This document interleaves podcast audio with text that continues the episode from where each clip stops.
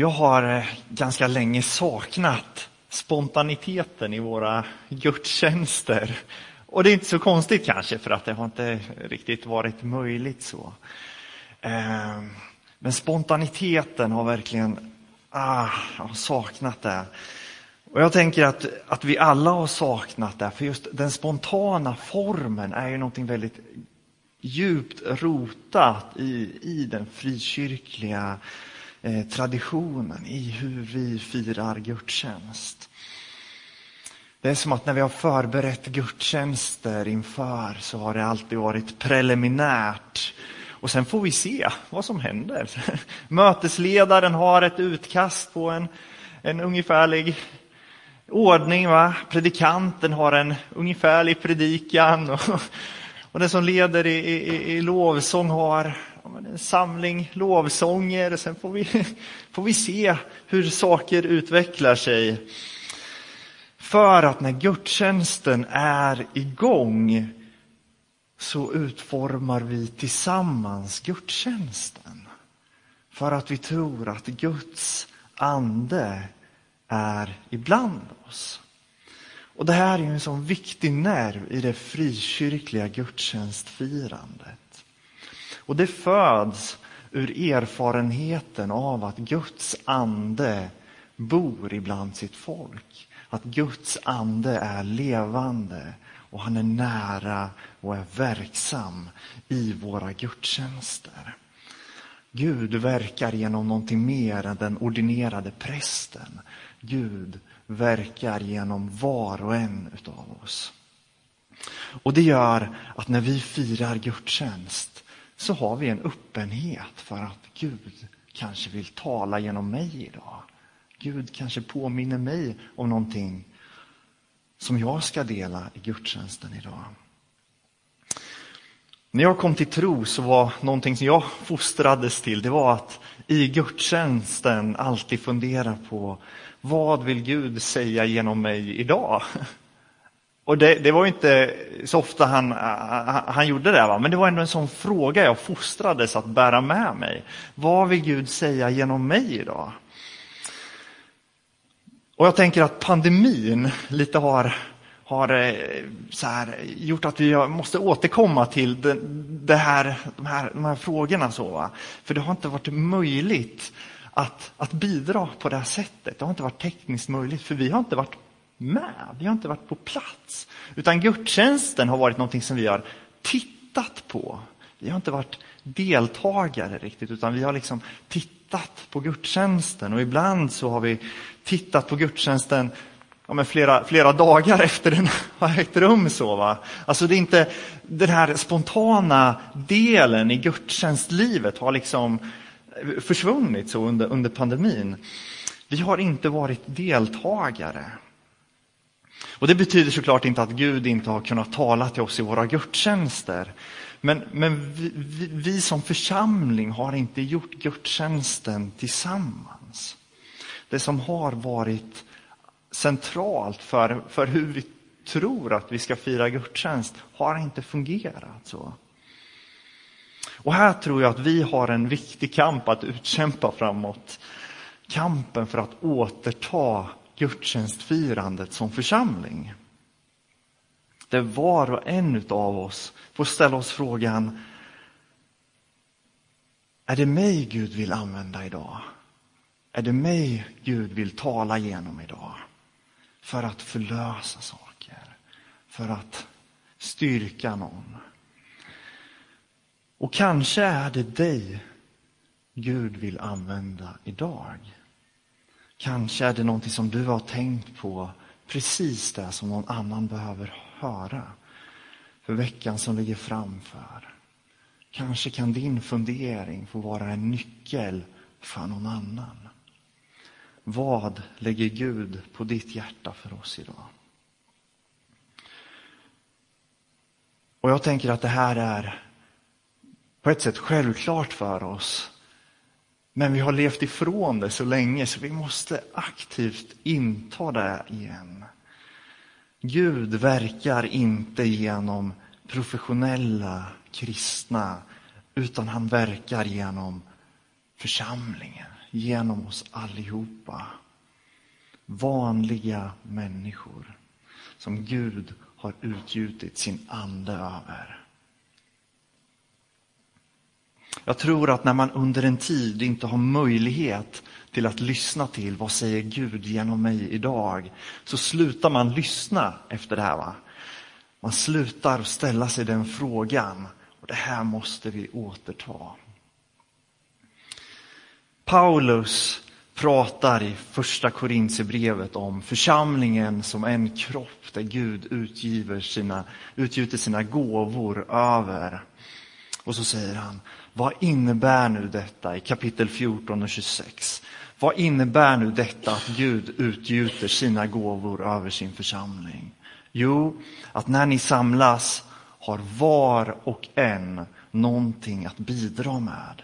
Sång, undervisning, uppenbarelse, tungotal eller uttydning. Men allt ska syfta till att bygga upp. Var och en. Paulus utgångspunkt är att alla har någonting att bidra med. Formerna för hur man frambär någonting kan variera. Han räknar upp sång, undervisning, uppenbarelse, tungotal och uttydning. Men det här är inte en komplett lista utan det är olika former för att dela Guds tilltal. En reflektion, ett vittnesbörd, en förbönsämne, ett glädjeämne eller kamp. Va?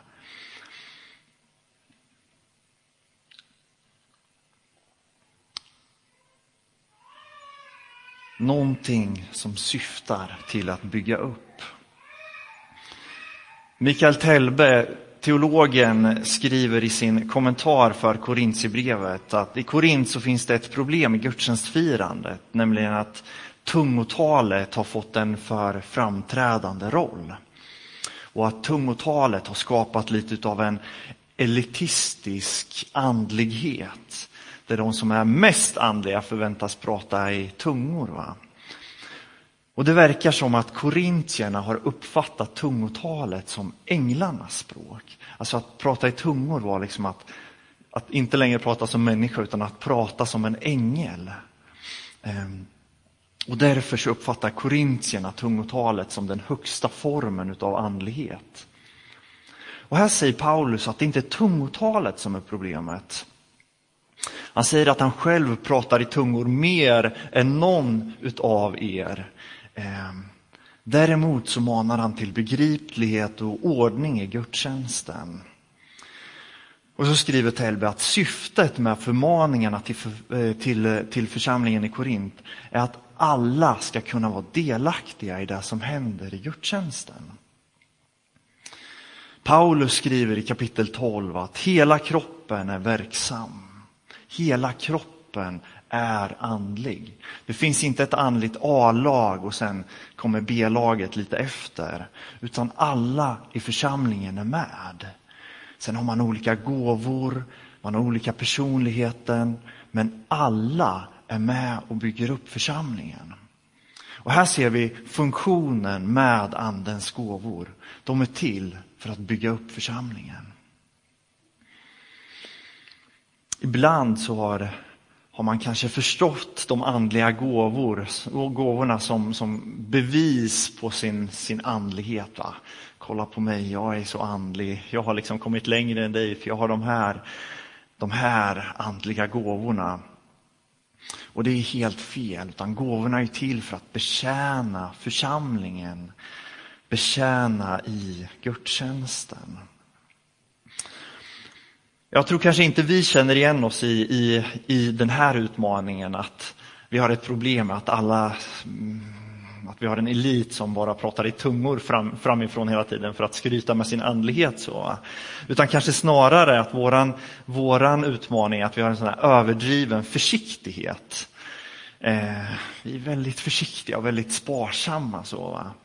Eh, och, och, och, kanske är det så att vi har en del ja, men dåliga erfarenheter med oss från tidigare, kanske från 80-talet. Så, eh, men det kan också handla om att vi, vi har en, ja, men en bristande förväntan på att Gud ska tala genom mig. Nej men jag, jag är väl ingen som Gud vill använda. Men det enda Gud är beroende av är våran öppenhet och vilja att våga dela det han lägger på våra hjärtan. Det Paulus skriver, skriver Mikael Telbe, är dödsstöten för den privata andligheten. Det Gud gör genom sin ande är att han för samman kyrkan till att bli en kropp. Där vi inte längre är isolerade andliga varelser, utan anden för samman till en kropp. En kropp som är beroende utav Guds tilltal genom kroppen. Jesus kom till jorden för att leva och bo bland människorna. Men sen lämnar han jorden för att ge utrymme för den helige anden som bor i församlingen. Guds ande kommer för att Gud ska bo ibland sitt folk. Och syftet med kristen andlighet är att låta Guds ande ta plats ibland sitt folk. Att bygga upp varandra, att dela ord vi får till oss, att våga vara svaga inför varandra. Det är kristen andlighet. Jag eh, jobbar lite på Liljeholmens folkhögskola. Det är superkul. Eh, och, och, nu när jag var där i veckan så pratade vi om det här med, med gudsfolkstanken i Gamla Testamentet. Hur gensvaret på mänsklighetens fall är att Gud kallar Abraham till att bli ett folk. Alltså i den splittrade mänskligheten så kallar Gud Abraham och i Abraham så skapar han liv där liv inte var möjligt. Och han skapar ett folk. Guds frälsning handlar om att försona mänskligheten, att föra samman mänskligheten, att göra henne samstämmig och vara en kropp till upprättelse för den här världen. Eller som Mikael Tell beskriver. Anden sätter den som bekänner Jesus som Herre i relation till alla de som bekänner Jesus som Herre. Församlingsgemenskap är därför inget som vi kan välja att ha eller inte. Guds räddning av världen handlar om att bygga ett folk. Det är ett kroppsbygge där frälsning handlar om att bli delaktig i Guds nya mänsklighet i Kristi kropp. Därför kan ett kristet liv inte leva på solokvist. Privat andlighet är inte ens ett alternativ. Alltså, anden sätter alla de som bekänner Jesus som Herre i relation med varandra. Och därför så är församlingsgemenskap inte någonting som vi kan välja. Utan Guds räddning är just att han bygger ett folk.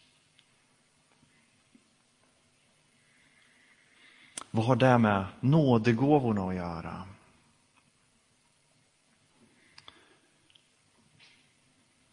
En teolog, James Dunn, skriver Kroppen är en rörelse. När gåvorna i sin mångfald är verksamma i församlingen så är kroppen i rörelse. Och Jesus blir genom människor och mitt ibland människor verklig. Men ett ensidigt bruk utav gåvorna gör att kroppen haltar. Därför måste vi söka de gåvor som fattas för att kroppen ska fungera så som den är tänkt. Om det saknas ledare så bör vi söka gåvan att leda. Om det saknas profetiskt tilltal bör vi söka gåvan att profetera.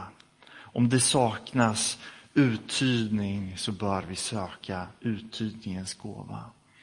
Och så vidare, skriver James Dunn. Vi är en välsignad församling. Vi har många gåvor i funktion i våran församling. Men vi står inför en kamp att återta gudstjänsten och låta gudstjänsten bli en plats där Guds ande får verka genom hans kropp. För om Guds ande inte verkar i sin församling så är kroppen haltande. Gudstjänsten är där Jesu kropp samlas. Där byggs Kristi kropp och där måste gåvorna vara i funktion. När ni möts har alla någonting att dela. Paulus skriver inte att när du stöter på någon på ICA så har du någonting att dela. Eller när du är på busshållplatsen så har du någonting att dela. Det kan förvisso vara sant att, att det är så, va? men när Paulus skriver att alla har någonting att dela så är det gudstjänsten. Alltså det är gudstjänsten i församlingen i Korint som alla medlemmar i församlingen förväntas vara utvalda att ha någonting att dela i gudstjänsten. Alla har någonting att dela i gudstjänsten. Och det som måste hända är att det här gudsordet landar i våran församling. Att vi får ta emot det. Nej men, Gud kanske har någonting att säga genom mig idag. Gud har någonting att säga genom dig. Vi har under en tid sänt våra gudstjänster på Facebook och så länge som pandemin är igång så kommer vi fortsätta att sända våra gudstjänster digitalt för att göra det möjligt för människor som har symptom att delta hemifrån. Däremot så kommer vi från och med idag eh, att, att avsluta sändningen efter predikan. Ehm, och det kommer vi göra just för att göra det möjligt för oss att dela saker med varandra. För att försöka hitta former att, att inrymma den här spontaniteten, att lämna plats för den helige ande att prata genom sitt folk. Så att vi får känna oss trygga att dela det vi upplever att Gud lägger på våra hjärtan. För vi måste få pröva oss fram. För ingen av oss är en professionell kristen. Vi måste vara en växtplats. Vi måste ge utrymme för varandra att pröva oss fram. Här får vi pröva att dela ord, även om det är för första gången. För det här är någonting helt centralt i Paulus undervisning. Helt centralt i den kristna tron. Därför kommer vi avsluta sändningen efter predikan. Och jag förstår att det här, det här kommer ta tid såklart. Jag tror att det här handlar om att, att återta ett sätt att tänka som har varit slumrande. Alltså vi kommer inte hit med, med den inställningen idag, tänker jag, att ja, men Gud kanske vill tala genom mig idag. Men jag tror att det är jätteviktigt att vi börjar röra oss åt det hållet och börjar återupptäcka att nej men Gud talar genom sin församling. När vi möts har du också någonting att bidra med. Och den enda ramen Paulus skriver är att det ska vara till uppbyggelse för församlingen. Vi tror att det här är viktigt. Så nästa söndag så kommer Sara att predika om den profetiska gåvan. Efter det kommer jag predika utifrån hur Paulus sätter kärleken i kapitel 11 i första Korintierbrevet som liksom det som någonstans ger riktning åt den profetiska gåvan och till de karismatiska gåvorna. Och efter det så följer två spännande söndagar. Först har vi en söndag som är en, en renodlad vittnesbördsgudstjänst. Det kommer inte vara någon som förbereder en predikan, utan vi samlas med en förväntan på att Gud talar genom oss. Ehm, det är våran tro, att Gud talar genom oss. Söndagen efter det kommer vi ha en samtalsgudstjänst. En av de gamla tidernas församlingsmöte, och det är utlyst som ett församlingsmöte där vi träffas för att samtala om hur är vi församling tillsammans. Just för att vi tror att vi måste återupptäcka att anden är verksam i våran gemenskap, i våra samtal så kommer den heliga ande, talar till oss och leder oss vidare. Och efter det så följer en bönevecka när vi får ta tid tillsammans som församling att lyssna in Gud. Vi tror att det här är jätteviktigt för oss som församling, att återupptäcka det här. Och för Paulus är det helt avgörande. Jag vet att jag någon gång tidigare har delat hur, hur, hur en person var på en gudstjänst där alla, det var ett andligt skeende och han uppman, någon uppmanade alla att söka, eh, att, att ta, ta emot tungotalets gåva. Eh, och den här personen upplevde hur alla andra började prata i tungor och hur de liksom fick så här tungotal. Och han lite kände sig tvungen att också sätta sig och börja hitta på lite ord. Så han sätter sig också och börjar hitta på lite så här. Och sen helt plötsligt så bryter kvinnan ihop framför honom i bänken och vänder sig om och säger att du har gett ett, tung, eller du har gett liksom ett tilltal till mig på mitt modersmål. Så här. Och hans erfarenhet är bara att han har suttit och hittat på någonting för att lite så här, inte vara utanför det som händer i gudstjänsten. Och det tänker jag, eller så här, den växtplatsen behöver vi också vara. så här. Där vi ja, men, gör någonting som vi inte alls är så trygga i. Så här, va? Men att bara få, få upptäcka att ja, men Gud talar genom sin församling. Att när vi samlas så har Gud någonting att säga genom dig. Det är Bibelns tilltal. Vi behöver vara den växtplatsen. Vi behöver vara en plats som uppmuntrar varandra att dela saker vi kommer att tänka på. Och ibland så är det saker som vi inte själva förstår. Vad, vad är det här för någonting? Och jag tror att gudstjänsten är såklart inte platsen för att dela allt i. Eh, även om vi inte sänder den på, på live på Facebook så finns det en del saker som vi delar i andra sammanhang. Men, men till att börja med så handlar våran kamp inte om, om att sätta upp gränser för vad som är okej eller inte okej, utan vi måste hitta det här igen, tänker jag. Vi måste återta den spontana formen, där det blir möjligt för Gud att tala genom var och en av oss i våra gudstjänster. För att alla har någonting att bidra med när vi samlas. Och frågan är, vad vill Gud säga genom dig idag? Vi ber tillsammans. Tack Jesus för att du bor ibland ditt folk.